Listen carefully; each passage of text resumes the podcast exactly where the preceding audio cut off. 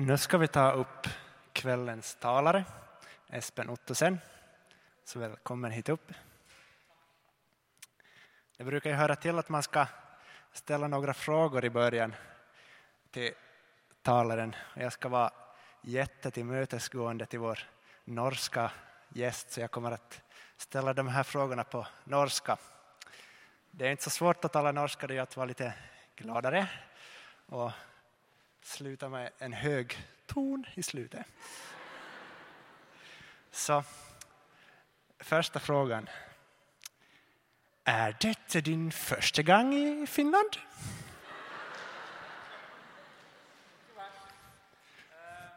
Nei, dette er min fjerde gang i Finland. Jeg har vært eh, her på kirkehelg for seks år siden. Sånn. Det er mulig, ja. Jeg har vært her eh, i Finland fire ganger. Eh, en gang i den finsktalende delen, tror jeg. Og tre ganger i den svensktalige delen av Finland. Jeg har vært i Vasa, og jeg har vært her i Karleby seks år siden. Akkurat. Um, Hvordan har det vært så långt?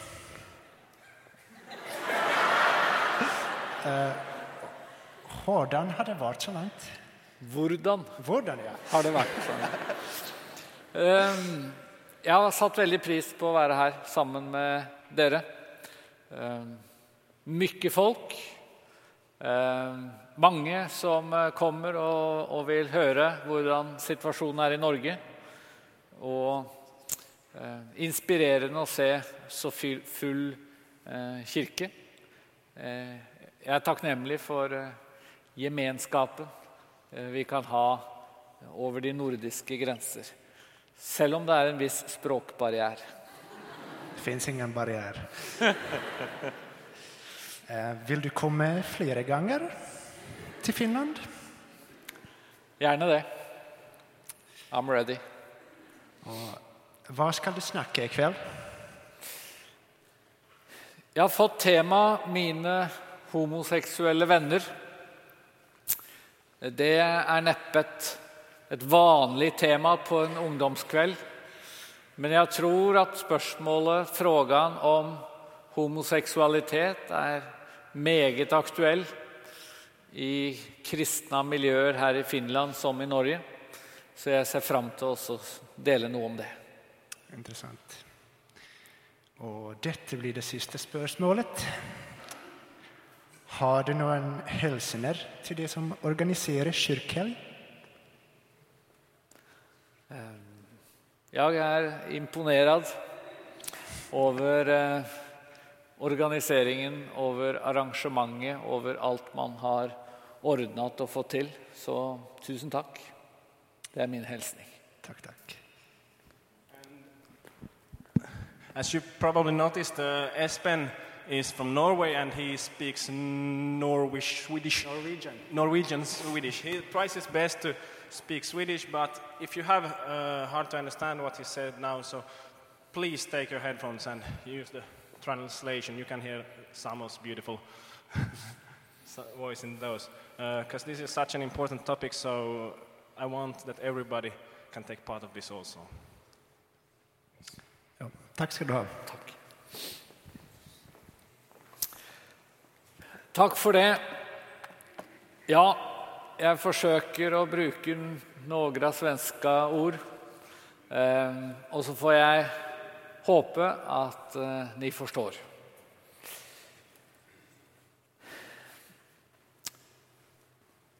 Mine homoseksuelle venner er et tema i kveld fordi jeg for noen år siden skrev en bok med denne tittelen. Og Jeg skal begynne med å fortelle om to personer. Den første ser du bildet av her. Han heter Karsten Amby. Han er eh, dansk. Dette bildet er tatt av Karsten i København. Nå er han eh, omkring 50 år gammel. Og da jeg møtte Karsten for å få han til å fortelle om sitt liv, så fortalte han at han hver eneste dag i ti år, hver aften, ba til Gud om å få lov å dø. Det var hans aftenbønn. Og det var fordi han kjente på homoseksuelle følelser. Han innså at han var homoseksuell på et eller annet nivå. Og han syntes det var så svårt. Og han fortalte meg at når han feiret 25 år fødselsdag, så tenkte han det hadde vært så mye bedre om jeg nå feiret min 75-årsdag.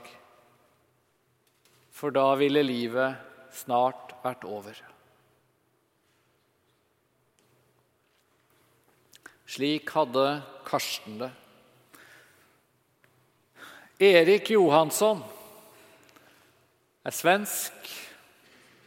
Han er prest. Han er omtrent på min alder, 47 år. Han er eh, Eller han oppdaget da han var 15-16 år, at det var poiker han kjente en tiltrekning mot. Så han har visst og kjent i 30 år at han er homoseksuell. Kjenner homoseksuelle følelser. Han ba ikke om å få lov å dø, men han ba Gud i mange, mange år, hver enda kveld, om at Gud skulle ta bort de homoseksuelle følelsene. Det skjedde ikke. I 30 år har eh, Erik kjent seg som homoseksuell.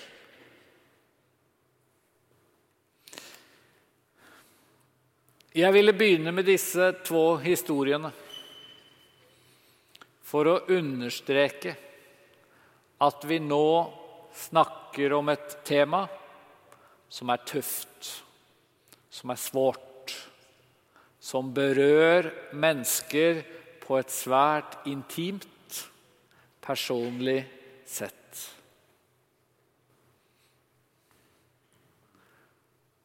Og jeg har lyst til at du skal tenke igjennom hvordan hadde du møtt, hvordan hadde du talt med en person i samme situasjon som Karsten og Erik. Om du hadde en venn som fortalte 'Jeg ber i min aftonbønn om at Gud skal ta bort mine homoseksuelle følelser, men det skjer ikke'. Hva hadde du sagt om han eller hun fortalte at 'jeg har en enda drøm', og det er at ni kristne sier homoseksualitet er helt ok. Hva hadde du sagt? Hvordan hadde du gitt sjelevård? Hadde du våget å si Men Bibelen sier at homoseksualitet, eller et homoseksuelt forholdende, er feil, er synd. Jeg vil ikke at du skal sitte der i benken og tenke at 'jeg kjenner ingen homoseksuelle', så derfor kan jeg si homoseksuelt samliv er galt. Men hvis du møter en venn, så snur du om. Fordi det blir for tøft.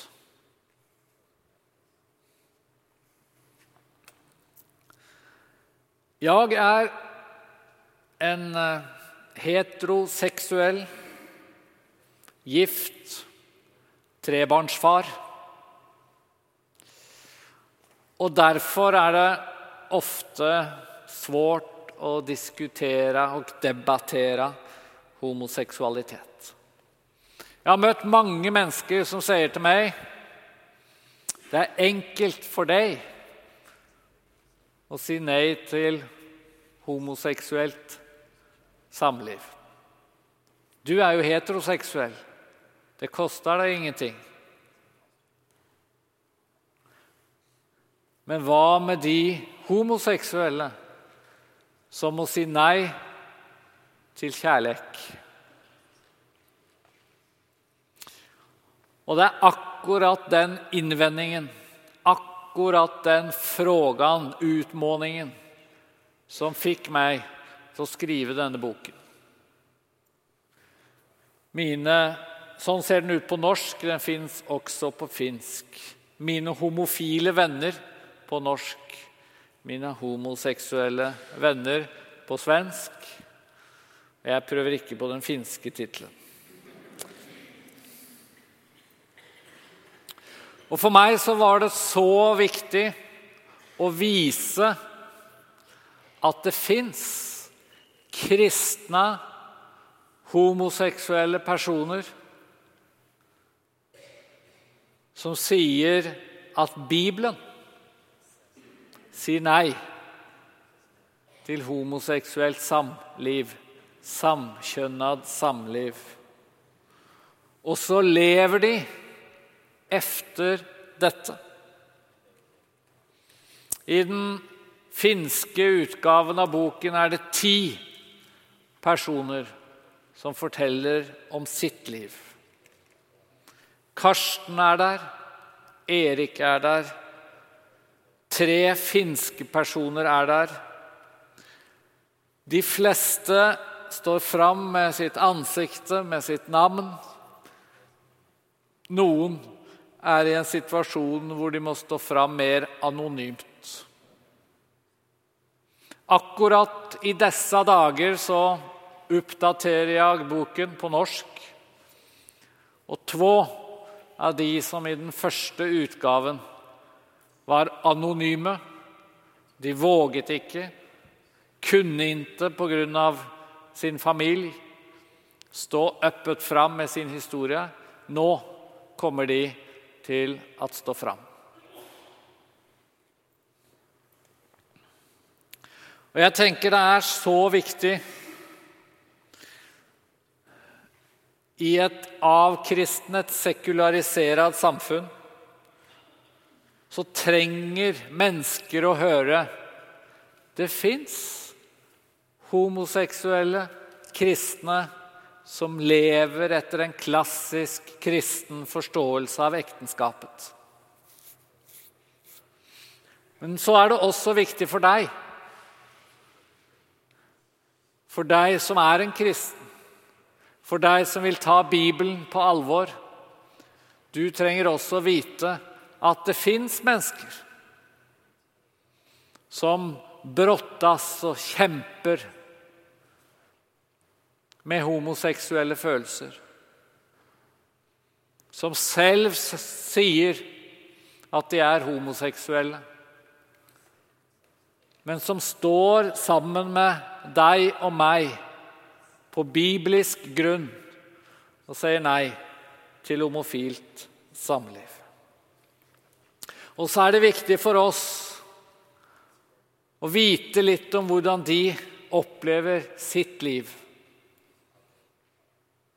slik at vi kan gi dem støtte, vi kan gi dem hjelp, vi kan gi dem forståelse, og ikke minst at vi ikke snakker om homosexfrågan på en slik måte at vi trykker dem ned. De som vil stå sammen med oss, og dele vårt perspektiv og vår åsikt. Karsten, som du så aller først. Karsten som ba ti år om å få lov å dø. Han forteller at det som reddet hans liv, det som endret hans liv, det var en bibelgrupp hvor han for første gang fortalte om sin kamp, sine følelser, sin situasjon. Og så ble han overveldet og takksam for den varmen han møtte, omsorgen. At disse kristne ville støtte han, hjelpe ham.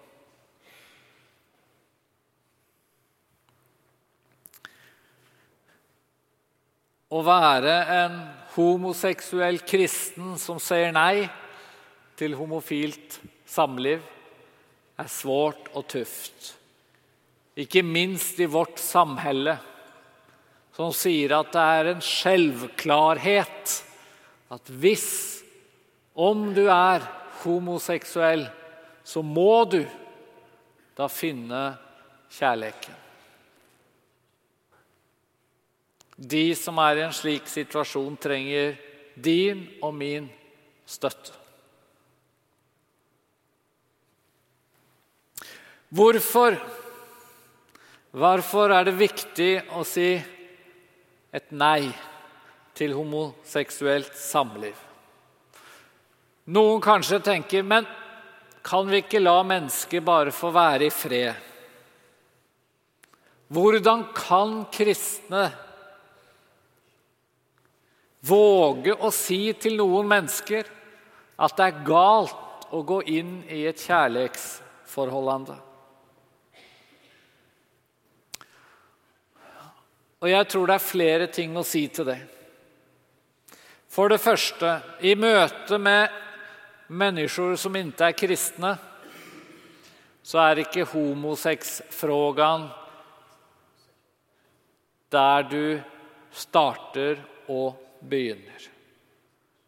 Din oppgave i møte med mennesker som ikke tror på Jesus, er å peke på Jesus,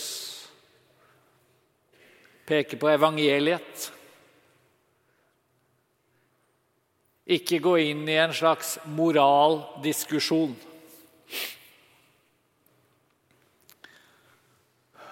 Og møter du homoseksuelle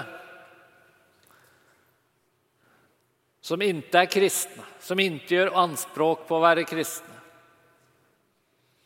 Ikke behandle de annerledes enn du vil behandle en sambo som ikke er kristen.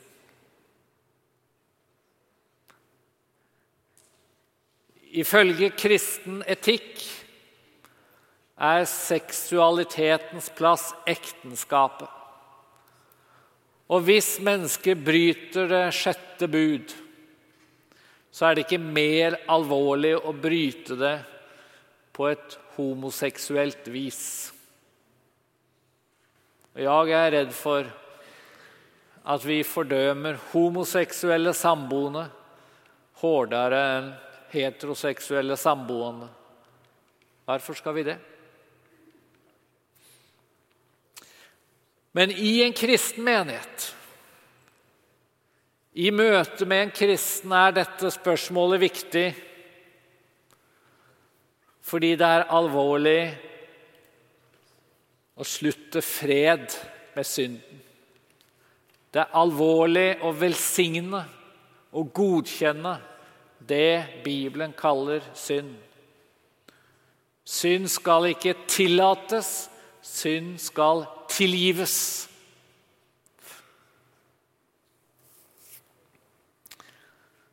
Derfor er frågan viktig. Og så er frågan viktig fordi vi må ha tillit til fortroende i Bibelen. I seg selv er ikke homosexfrågan en, en stor fråga. Det berør en prosent eller två av befolkningen. Men det vi ser i vår tid, er at mange mister fortroende til Bibelen. Når de tenker dette er en, en bok som vi ikke kan ta på alvor. For den sier jo nei til homoseksuelt samliv. Det kan man ikke si i vår tid. Og så blir det viktig å forsvare Bibelens autoritet. Hva er så forholdet mellom Bibelen som kart Heter det kort, kanskje, på svenska? Karta. Ja. Karta er det samme som Bibelen. Tenker noen. Og terrenget, det er mennesker. Og det er mange som tenker at homosexfrågan den handler om at vi har et, et karta som er Bibelen, og hvor det står nei til homoseksuelt samliv. Men så har vi terreng, så har vi mennesker, og dette er tre i min bok. Og de er jo homoseksuelle. Og da må vi justere kartene efter terrenget. Og terrenget sier 'Jeg vil leve i, homo, i en homoseksuell relasjon'. Og du har helt sikkert møtt noen som tenker så der. Når det er konflikt mellom kart og terreng, så bestemmer terrenget. Men jeg vil si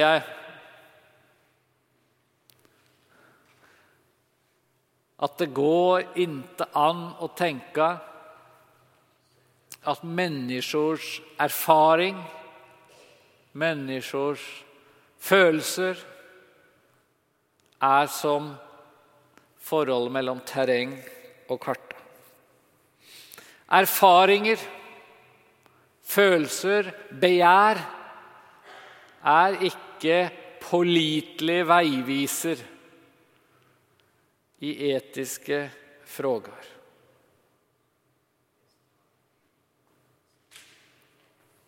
Men vi trenger å bli kjent med disse menneskene. Erfaringer er også viktig. Og vi har nytte av å høre hvordan er det å være en homoseksuell kristen. Hva slags historier har de? Og så lever vi i en tid hvor historier er viktigere enn prinsipper. Hvor følelser betyr mer enn argumenter. Jeg tror ikke det skal være sånn for en kristen. Bibelen betyr mer enn menneskers følelser. Men i en sånn tid så bør vi også lytte.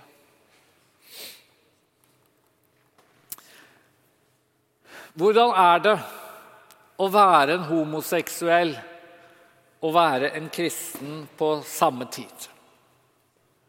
Og Jeg startet med historien om Karsten og historien om Erik for å vise at det er ikke enkelt.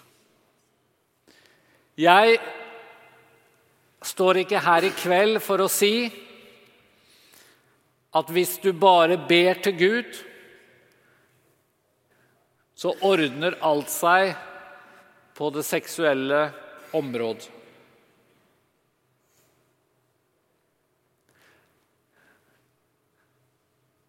Fristelsen, følelsene, kan stikke dypt.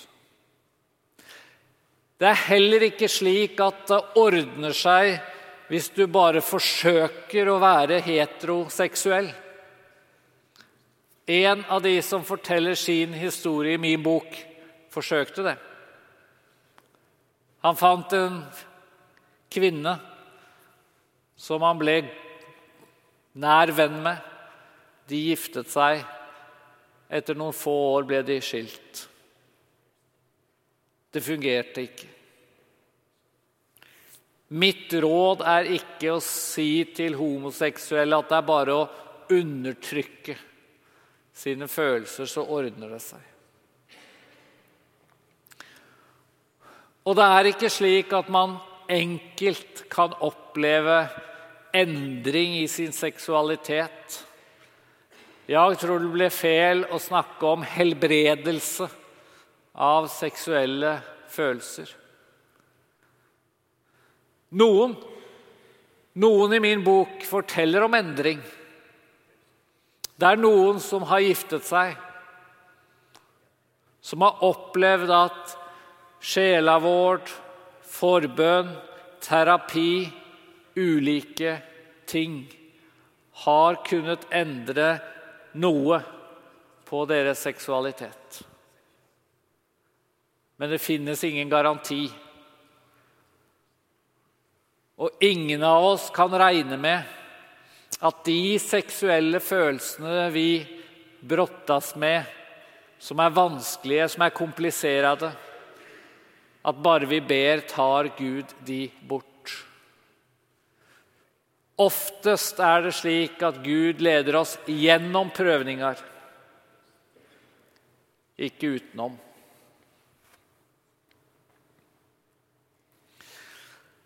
Det koster å følge Guds bud. Men det gir også velsignelse. Her eh, skal du få møte en nordmann i min bok. Han heter Bjørn Helge Sandvei.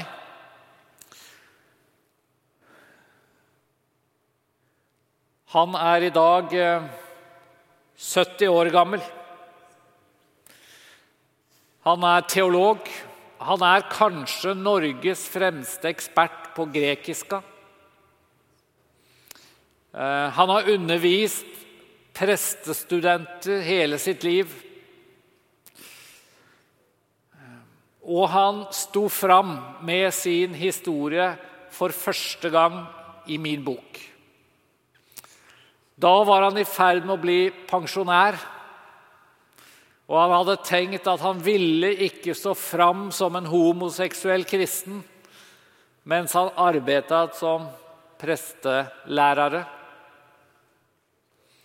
Han tenkte at han ønsket ikke å bli kjent som han homoseksuelle på menighetsfakultet.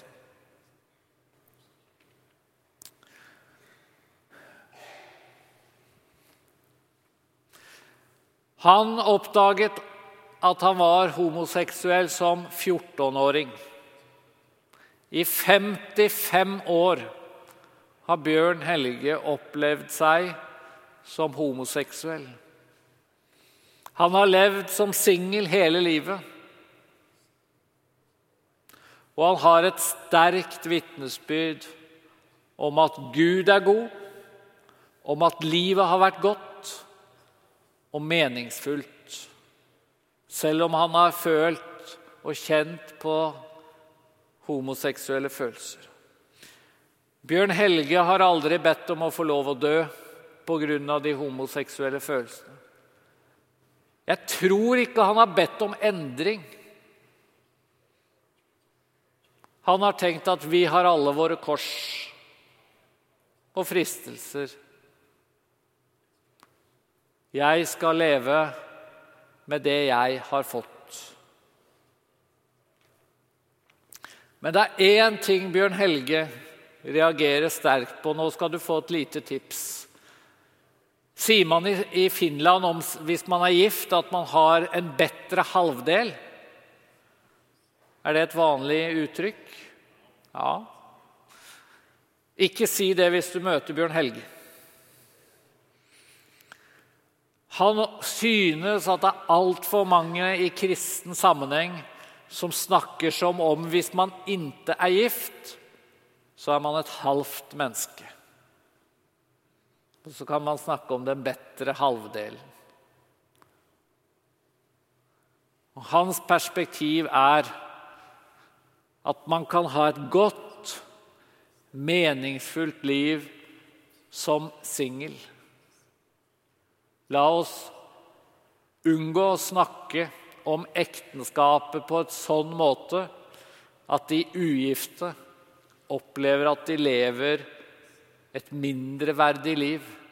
Som om den store kjærligheten, som om seksualiteten, er livets mål og mening.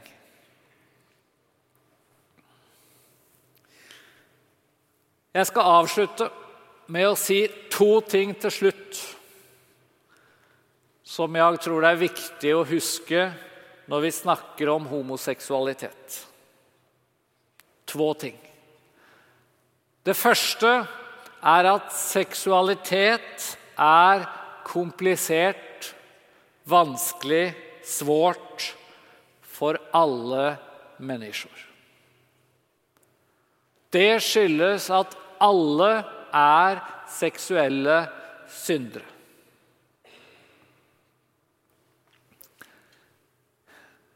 Det er nok lett å tenke i kristen sammenheng at når det kommer til den seksuelle orientering, så fins det to muligheter. Du kan ha en god seksuell orientering, du er heteroseksuell. Eller du kan ha en dårlig, gal, fel seksuell orientering, Da er du homoseksuell. Jeg har lært av mine homoseksuelle venner at, at det er fel å tenke slik. I syndens verd har vi alle en seksualitet med mangler, med fel. Vi utsettes alle for seksuelle fristelser. Det er ingen som har vært gift i en del år, som opplever at seksualitet bare er enkelt.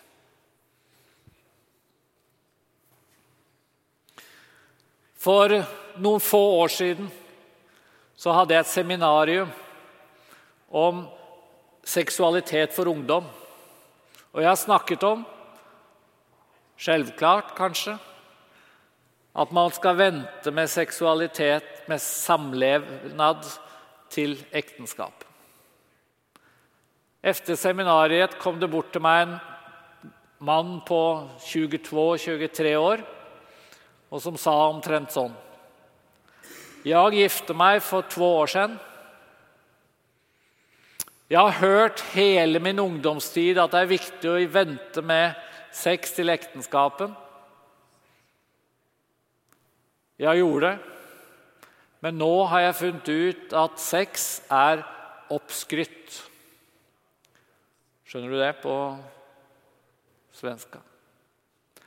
Og min fru sier det samme sa han. Han hadde lært i kristen sammenheng at hvis man er heteroseksuell, og hvis man venter med sex til ekteskapet, så ordner alt seg. Så blir alt enkelt. Så er sex bare noe flott, bare noe godt. Og så fant han ut det er komplisert.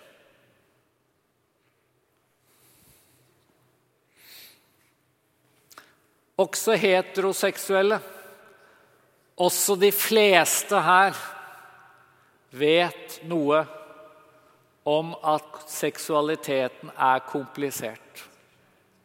I et samfunn med masse utrogenhet, i et samfunn med masse sjalusi, i et samfunn med masse pornografi. Og så lever vi i et samfunn, et samhelle, som sier det viktigste er å tillate mest mulig. Kristen etikk og forkunnelse sier det vi trenger, er forlåtelse. Nåd. Også for våre seksuelle fall. Seksuelle brott. Om du er heteroseksuell eller homoseksuell. Så det var det første. Seksualitet er komplisert for oss alle. Og det siste Det er problematisk i kristen tenkning å dele mennesker inn efter deres seksualitet. Som om det er det viktigste å si om oss. Hvilken seksuell orientering har du? Vi er mye mer enn vår seksualitet. Og dessuten er vår seksualitet komplisert. Erik Johansson sa en gang til meg at kanskje har hver enda menneske sin egen seksualitet, sin egen seksuelle orientering. Ja, kanskje er det slik. Ifølge Facebook fins det 64 ulike seksuelle orienteringer og kjønnsuttrykk. Og så vet vi at gjennom livet så vil også seksualiteten endre seg. Det fins mennesker som står fram som er 43 år og sier 'Nå fant jeg ut at jeg var homoseksuell'. Og de har kanskje levd i et heteroseksuelt ekteskap i 15 år.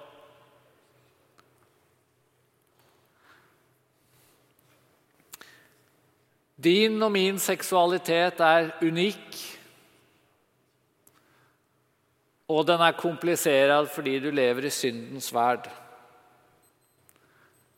Men uansett din situasjon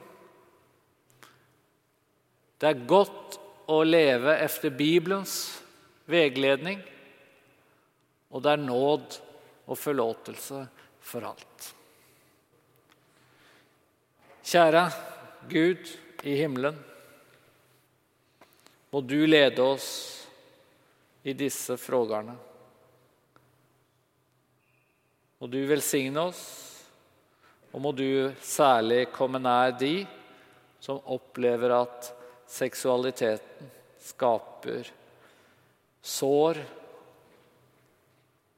og vanskeligheter i livet. Amen.